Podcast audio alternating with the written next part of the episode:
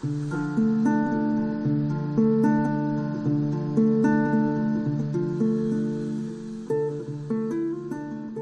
denk dat ik toen ik zeven jaar was, wilde priester worden. Ja, Jezuïeten zijn uh, religieuzen, waarvan de meeste priesters zijn, maar niet allemaal. Ik heb 55 jaar in Congo gewerkt. Heel mijn leven is eigenlijk ja, een genade geweest. En ondanks alles, al mijn zwakheden, heb ik daar toch iets gerealiseerd dat de moeite waard is. Dus mijn leven is de moeite waard geweest. Tot meerdere eer van God.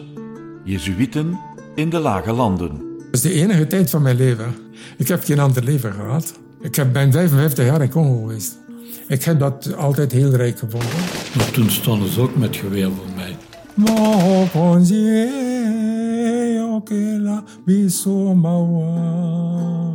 Wie gaat er nog naar de mis anders? Ene die zijn vinger opsteekt. Dat is een, een soort signaal binnen de school van het niet nutsgerichte studeren. Ze zouden elkaar vermoord hebben. Dat het zwaar is voor mij om hier terug te komen, ja. Ik had geen willen sterven.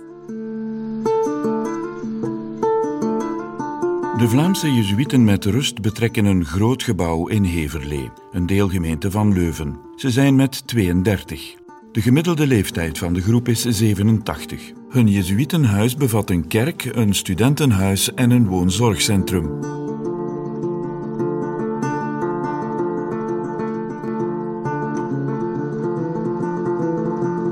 De Sociëteit van Jezus is met ongeveer 17.000 leden wereldwijd de grootste religieuze orde in de Rooms-Katholieke Kerk. De orde werd in de 16e eeuw gesticht door een onstuimige jongeman van adellijke komaf, Ignatius van Loyola. In de reeks audiodocumentaires Tot meerdere eer van God, Jezuïten in de Lage Landen, praat ik met Vlaamse en Nederlandse Jezuïten over hun overtuiging, hun geloof, hun inspiratie hun leven. Ik breng eerst tijd door in het Jezuïtenhuis in Heverlee. De meeste bewoners daar waren tijdens hun actieve leven missionaris. Al hebben ze het land en de mensen van wie ze gingen houden vaarwel moeten zeggen, in hun ziel blijven ze missionaris. In de context van de kerk met een grote K zijn ook deze Jezuïeten, zacht uitgedrukt, non-conformisten niet te beroerd om scherpe kanttekeningen te maken bij heilige huisjes. De kerk als instituut, de bisschoppen, de kolonialisering, het onderwijs en, zonder partijen bij naam te noemen, de politiek. De basis van hun inspiratie zijn de geestelijke oefeningen van Ignatius van Loyola. Een manier om persoonlijke keuzes naast de levenshouding te leggen van de man bij wie alles begint, Jezus van Nazareth. In deze aflevering praat ik met pater Guido Cornelissen.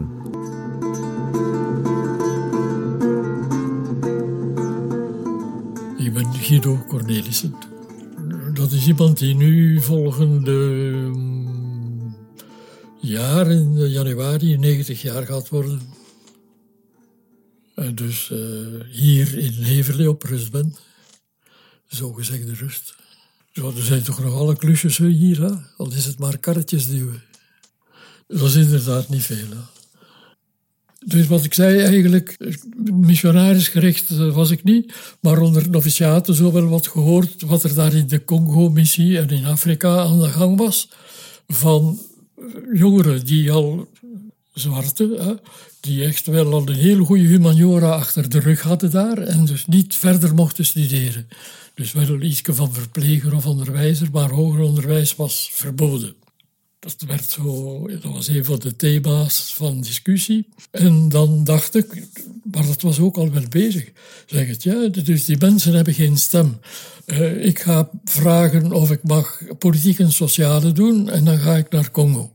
En dan kan ik daar, want er was daar al een beweging bezig met uh, sociale beweging, geïnspireerd door, emancipatief is veel gezegd, maar door een sociale beweging van, uh, vanuit Jezuïten, van René Beekmans, die daar ook in zo'n zijn tijdschrift had, om daar een stem te geven aan de komende intellectuelen en daar aan mee te werken.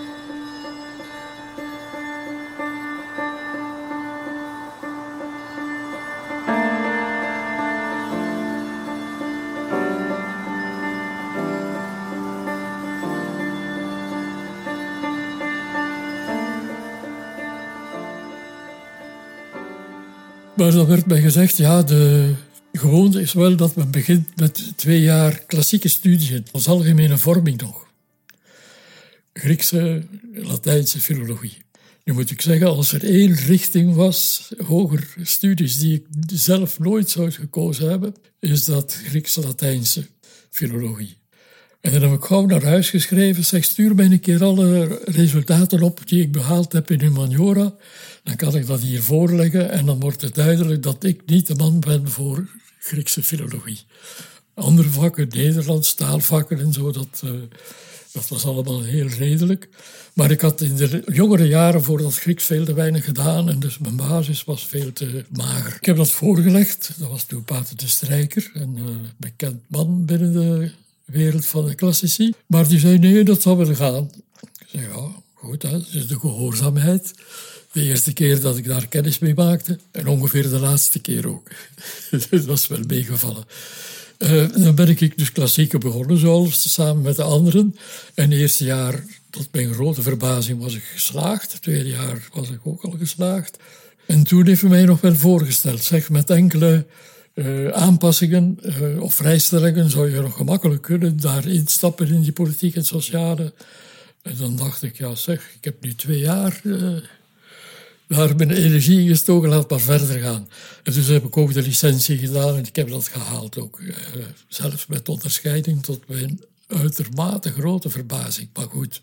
En dan was het duidelijk dat ik naar college zou gaan, hè, gestuurd worden, gezonden worden. En dat is er ook gebeurd. Dan ben ik naar uh, Turnhout, uh, het college van Turnhout gestuurd.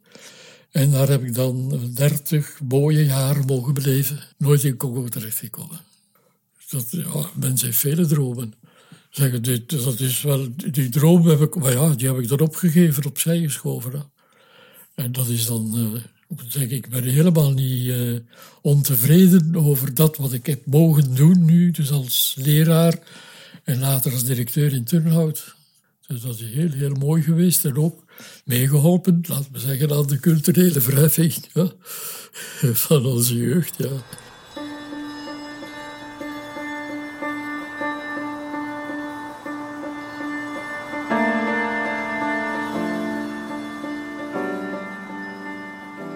Oh, is heel toevallig dat ik directeur geworden ben. Ik was retorica-leraar op het laatst. En op zeker ogenblik is die directeur veranderd van de richting. De eeuwige met het tijdelijke veranderd. En er moest er van vandaag op morgen een nieuwe komen. En zeggen, ja, want nee, de zaak moet blijven draaien. En heeft van mij gevraagd, zeggen voorlopig, we gaan uitkijken naar iemand die echt geschikt is. Dat is nooit gekomen. Ik ben zo van karakter geen, geen uh, autoritaire leider.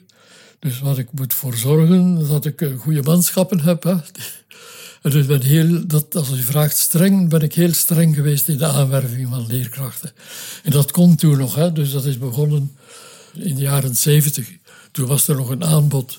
Dus als men zich echt moeite deed om te zoeken en te vragen en te informeren, kon men nog echt goede leerkrachten vinden. Dat was, eh, ik moet zeggen, heel ja, gelukkige tijd zo. Ik denk dat vele directeurs op mij mogen jaloers zijn met wat ik heb mogen meemaken. Zo.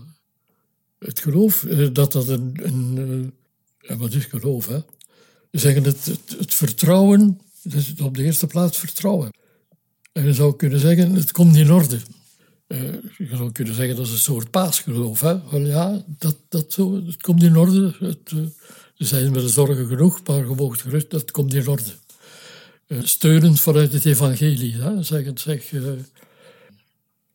er is altijd toekomst, de, omdat je dan zegt geloof. Zeggen de dood, dat kan niet het einde zijn. Hè? Dat kan niet, vind ik. Dat is dus mijn overtuiging en geloof. Hoe dat je dan, wat dan? Zeggen, ja, daar kun je heel weinig over zeggen, want dan zit je in, menselijke terminologie van, van voltooiing en hemel en zo. Dat, dat is allemaal mooie omschrijvingen. Maar ieder woord is een, is een riskant woord dan. Hè? Maar zeggen, nee, het vertrouwen, fundamentele vertrouwen van gedragen worden binnen een, een, mysterie dat u draagt. En een mysterie dat, dat positief is, wat niet vanzelfsprekend is. Hè? Het mysterie dat, waarin wij leven, van dood en leven, van tijd en eeuwigheid, van uur en plaats. En, uh, nee, dat is een positief. Dus een, uh, wat we dus zeggen, een liefhebbende God. Ja, maar dat zijn allemaal menselijke woorden. Maar zeggen dat, dat, dat fundamentele vertrouwen, ja, dat heb ik wel, ja.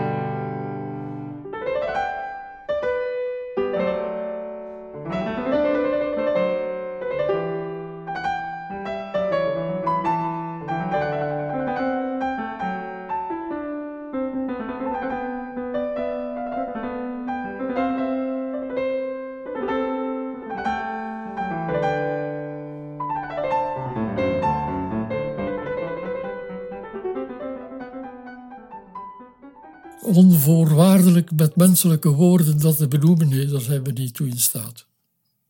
Het is allemaal proberen, proberen. Uh, Hans Kung probeert dat, hè, zo in nieuwe formuleringen voor het credo of wat. Maar dat zijn omschrijvingen. De een die roept meer de, de achtergrond op eh, dan, dan het andere woord. Ja, maar ze zijn allemaal even goed. Hè. En Sommige mensen zijn heel gelukkig met de hemel. Ik, en ik zelf ook, hè, dus ik, ik ga dat niet opzij schuiven en, en vervloeken. Eh, zelfs mijn, ouders zijn overleden. Ik, ik, zie die ook zo in de hemel. Hè. Zelfs, laat ik uh, vertellen, in Antwerpen tegenover de Boerentoren heb je daar het kapelletje waar kaarsen gebrand worden. En dat, dat onze lieve vrouw kapelletje. En er is een nog zaaltje achteraan waar dat loopt links en rechts naar voren tot bijna, ja, wat benoemd, de apsis, voor zover dat een apsis is. Dan kan ik me wel voorstellen, zeggen dat daarboven zo mijn ouders zitten te kijken van boven naar beneden. Hoe doet hij dat daar? Hoe zit het daar? Dus het, een is geen vervloeking of eh, laten vallen van het andere. En het is vele mensen die, die kunnen zeggen, een primitief geloof hebben. Als je op hun woorden afgaat, hebben we misschien een veel dieper geloof dan, uh, dan wie met de laatste modewoorden spreekt. Uh, de mens is meer dan zijn ratio. Hè? Dus als je zegt bevattingsvermogen, zowel emotioneel als rationeel. Nu kun je dat, wat ik dus zo zei, dat komt in orde, dat, uh, dat paasgeloof, dat, is, dat staat vast. Vast. Vast, ja fundamentele zekerheid van dat komt in orde, als paasgeloof zeggen, en dus sterk. Dit is het einde, de dood, ja, dat staat vast. Zelfs dus niet alleen voor mij, hè, maar dus als je ziet de hele geschiedenis, ik denk nu aan, dus aan Auschwitz, wat vind ik een, een centraal thema moet zijn in, in het geloofsleven van, van, van iedereen bijna. Zeggen, het kan toch niet zijn dat al die Joden die daar de gaskamer ingedreven worden, de deur dicht en uh, het is gedaan. Zeg, ja, die hebben pech gehad, maar het is gedaan. Ik vind dat kan niet.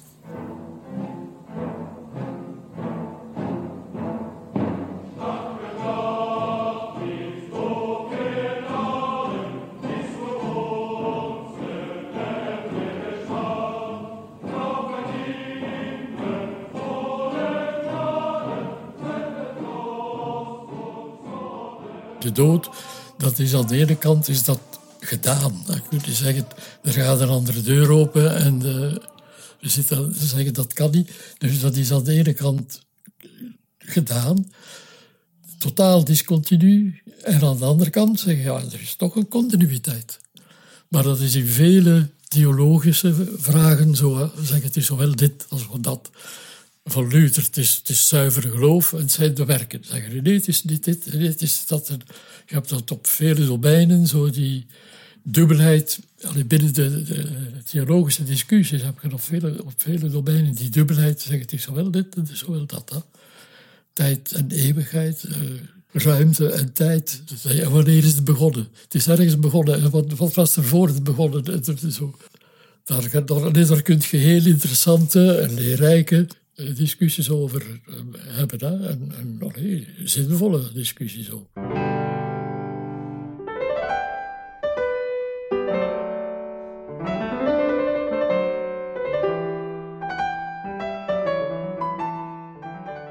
Dat uiteraard het, het kerkelijke voor heel veel mensen heeft gedaan. Hè?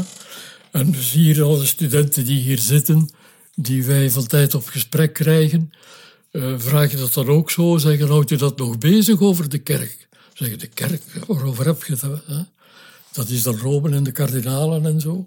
Zeggen nee, de, een levende gemeenschap vanuit uh, het evangelie met als Jezus inspirerende figuur. Nu, dat zeggen, zo'n vraag nu over Jezus, is dat een mythologische figuur of is dat een historische figuur? Houdt u dat bezig? Ligt je daarvan wakker? Zeker, nee, nee dat is ver van ons bed. Het rare is dus, die mannen die hier uh, dan studeren, de, vorige keer dat zijn dat twee Giro-mannen. Die buiten hun studies zoveel vrije tijd geven aan de voorbereiding van vergaderingen, met die mannen iedere zondag vergaderingen houden, daarmee op kamp gaan. Dus dat zijn buitengewoon goede gasten allemaal. En, en, ik zag dat ook op college zelf hè, nog. Zeggen, dus, dat is verloren. Misschien hebben wij, als ik wel een beperkt zicht zo op de eigen uh, studenten en op de deze die hier zitten, dat is ook wel dus veel kandidaat-ingenieurs. Of, of, of, ja, dus dat zijn niet de, domste. Dat dat ook beperkt is van zicht. Er is niks verloren dan. Zeggen alleen wat ik ook zei, als je die mannen bezig hoort, zegt ja, dat komt in orde. Of die nu geloven of niet geloven, dat komt wel in orde. Die gaan er iets van maken, die weten wat ze doen, ze weten, ja. Wat wel uh, raar is, of vreemd, zeg ik zelf vanuit mijn eigen humaniora-jaren, over wat ik daar gehoord heb over catechese, daar, daar herinner ik mij niks meer. En ik kan mij ook niet herinneren dat mij dat erg interesseerde. Terwijl dus nu als gevraagd hey, over het laatste jaar catechese, zijn er daar maar het verschil van leraar tot leraar dan. Dat er daarbij zijn van zeggen, nee, nee, dat was heel interessant. Dat was niet direct over sacramenten en zo, maar zeggen wat die vertellen over de zin van het leven en het geloof, dat die daar nog wel wat van hebben overgehouden. Niemand staat, laat ik zeggen, nog negatief of agressief daartegenover, zoals dat jaren geleden was. Hè? Je mocht er niet over beginnen of ze, ze gingen direct in de tegenaanval. Dus dat is nu helemaal niet meer zo. Dus dat is daar zo'n nieuwe openheid. Als daar een aangepast aanbod zou komen, vroeg of laat, denk ik dat daar ook een antwoord op gaat komen. Ik ben hoopvol, ja.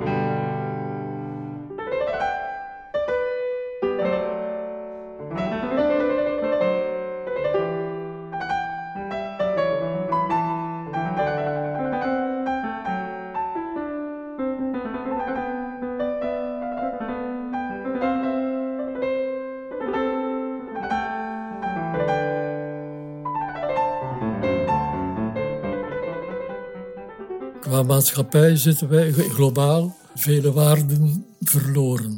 Want ik zie toch ook dat daar mensen die met kerk en geloof totaal gebroken hebben, dat zijn allemaal verhaaltjes die dan in het dorp, in de gemeente, een hele groep mensen kunnen verzamelen en samen hup, naar de Walen trekken en daar gaan helpen. Iedere, bijna iedere dag, iedere week daar, naartoe trekken.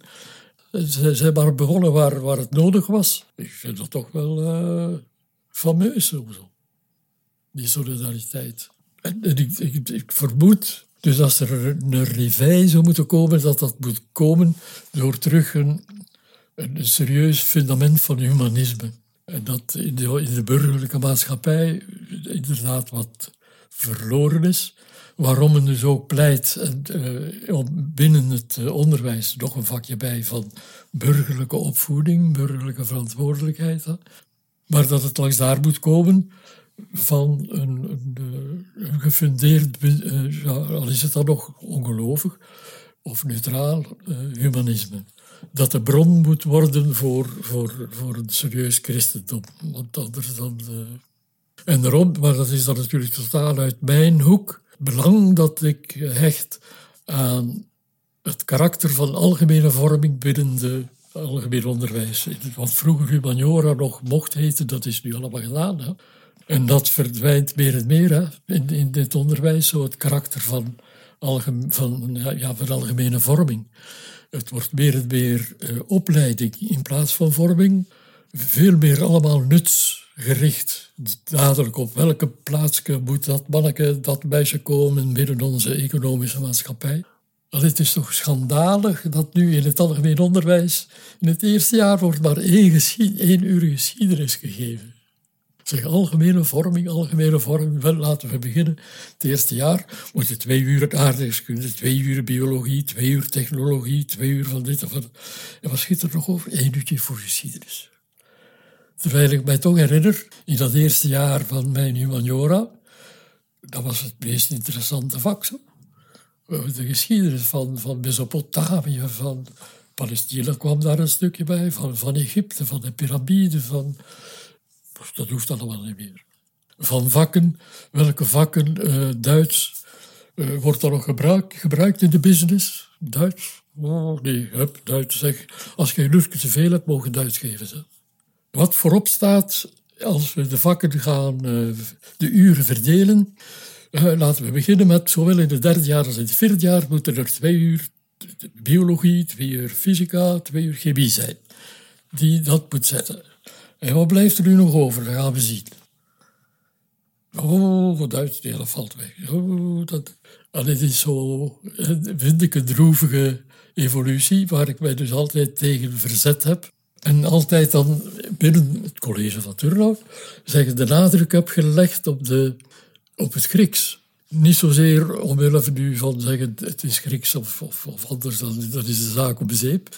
Maar zeggen als een, een soort signaal binnen de school van het niet nutsgerichte studeren. Zeggen, wat zijn we met Grieks? Niks. Maar het is in, in onze economische maatschappij. Maar wat zijn we daarmee als vorming? En binnen de hele humaniora, binnen de verschillende afdelingen, zowel de wetenschappen als de of, weet ik wat, zeggen diezelfde eh, niet nutgerichte inspiratie. Daar deed ik mijn best voor om die te laten uh, gelden.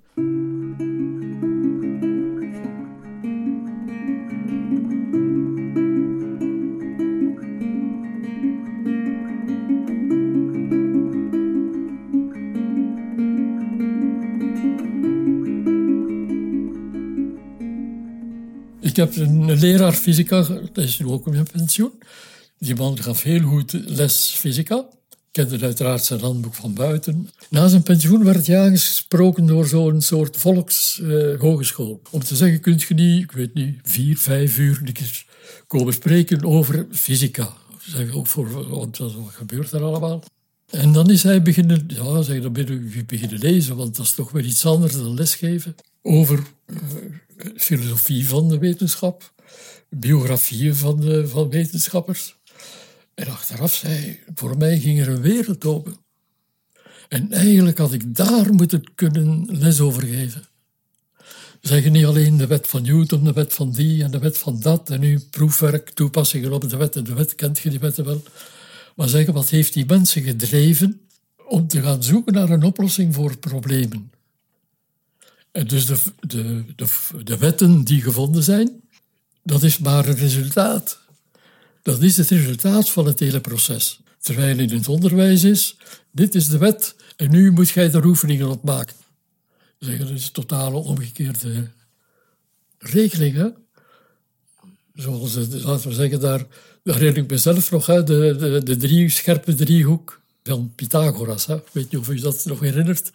De som van de vier kanten van de twee korte zijden is gelijk aan de, het vierkant op de lange zijde. En dat werd ons gegeven, dat is de thesis, dat is juist en nu moet je dat bewijzen. Tot grote ramp van velen. zeg maar eigenlijk, dat heb ik achteraf ook gezegd, de zaak, het proces is omgekeerd gegaan. Pythagoras zelf wist niet wat een rechte driehoek was. Hij zegt, ja, voor in onze architectuur een rechte lijn, dat weten we. Een cirkel, dat weten we. Maar waar vind ik in de natuur een rechte driehoek? Als ik met tempels of wat wil gaan bouwen over architectuur, waar vind ik dat? En hij is dus gaan beginnen zoeken, meetkundig en wiskundig. En uiteindelijk, die formule heeft hem geleerd, hier heb ik nu als conclusie. Niet als uitgangspunt, als conclusie heb ik hier een. Zeggen zo dat hele denkproces, eh, niet alleen voor dit, maar voor dus de hele wetenschap, die komt niet aan bod in, in, de, in opleiding van onze humaniora, of veel te weinig. Dat hangt natuurlijk een beetje af van de, van de leraar. Maar dus dat, dat vind ik dus heel belangrijk als je zegt, mijn kijk op de wereld, ik heb daar heel weinig zicht op. Zo. Maar zeggen wat absoluut nodig is voor de revij, dat het terugkomt tot de gezonde humanistische basis waaruit dan, zeggen, kunt je, eh, dan kun je beginnen praten over christendom. Hè. En dus dat, dat moet gebeuren via onderwijs, via algemene vorming, vind ik. Maar ik heb niks te zeggen. Dit was Tot meerdere eer van God. Jezuïeten in de Lage Landen. Met pater Guido Cornelissen.